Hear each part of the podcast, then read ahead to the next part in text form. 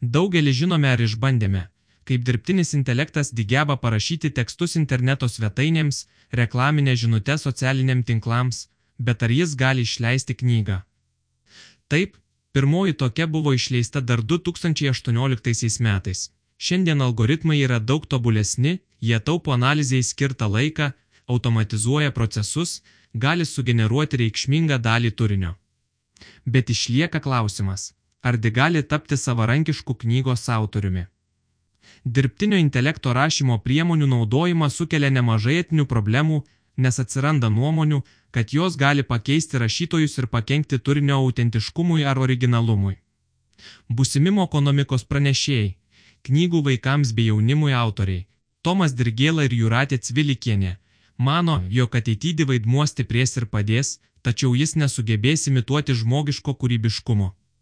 Dirbtinis intelektas. Samdome, bet kaip asistentą. Vienas populiariausių lietuviškų knygų vaikams autorių Tėdirgėla sako, jog jo darbe naudingas tuo, jog palengvina procesą. Man dirbtinis intelektas, kaip ir dauguma technologijų bendraja prasme skirtos palengvinti darbo kasdienybę. Dirbtinio intelekto technologija padeda pasiekti rezultatą su mažesnėmis laiko sąnaudomis, kurios šiandien turbūt yra brangiausia pasaulyje valiuta, tikina rašytojas. Jis prisipažįsta, kad asmeniškai ditekstų kūrimo priemonių nėra išbandęs, nors dėl savo greito rašymo tempo jau sulaukė klausimų, ar jam nepadeda koks robotas.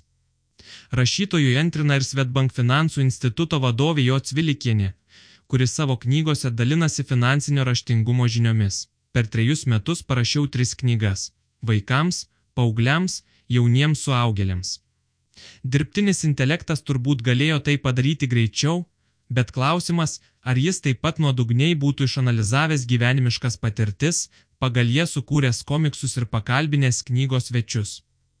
Kol kas dirbtinį intelektą matau labiau kaip asistentą, kuris man padeda knygas įgarsinti ir tokiu formatu pasiekti daugiau jaunų žmonių, su jais pasidalinti tvarių finansų žiniomis, sako jo Cvilikienė. Ar žmogus gali konkuruoti su robotu? Pasaulyje populiarėjant tekstus kuriantiems dirbtiniams intelektams, pradedame klausti, ar žmogui nereikėtų perleisti rašymo robotams. Rašytojas Tėdirgėla sako, jog nors dirbtinis intelektas gali kurti tekstus, tačiau jie nebus tokie įdomus, kaip sukurti žmonių. Kad ir kiek technologijos būtų patobulėjusios, kad ir kiek galėtų atlikti pakeisdamo žmogų, bet kūryba yra kiek kitas pasaulis. Galiu spėti, kad perskaičiu žmogaus ir dirbtinio intelekto parašytą knygą, pastarojoje aiškiau matytųsi kažkokių šablonų naudojimas. O daugumai skaitytojų tokios knygos nebūtų patrauklios ar labai įtraukiančios savo siužetu.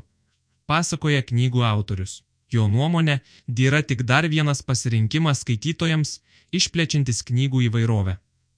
Tikiu, kad dirbtinis intelektas nepakeis žmogaus knygų rašyme, bet ei šalia. Kaip pavyzdį pateikčiau elektroninės knygas, kurios lyg ir turėjo pakeisti įprastas popierinės, bet vietoje to skaitome ir elektroninės, ir popierinės. Teigia Tėdirgėla. Iš ties dabartinės technologijos leidžia vartyti knygas įvairiais būdais ir skirtinguose įrenginiuose, todėl, anot jo Cvilikienės, jas galime pasitelkti į pagalbą. Gyvename ne tik dirbtinio intelekto, bet apskritai išmanių technologijų piko metu, robotais dabar kartais pavadiname tai, kas už mus atlieka darbą.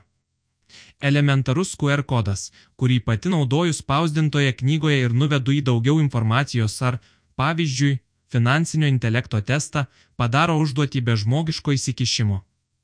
Tačiau daugeliu tokių atvejų kalbame apie funkcijas, o žmogus sukuria ryšį su autoriumi, pašnekovu, skaitytoju, ir tai sunku imituoti, pastebi Finansų instituto vadovė.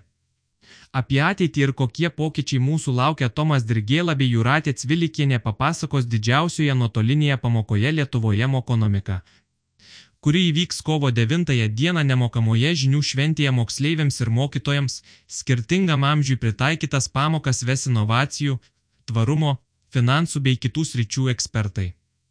Daugiau informacijos apie didžiausią nuotolinę pamoką ir registraciją su programa čia. Mokonomika, inicijuojama Svetbank ir transliuojama per LRT, prisideda prie UNICEF ir UNESCO rengiamos didžiausios pamokos pasaulyje, kurios tikslas kurti inovatyves švietimo priemonės. Įgyvendinant jungtinių tautų darnaus vystimosi tikslus, projektą remia LR švietimo, mokslo ir sporto ministerija, jam suteiktas UNESCO patronažas.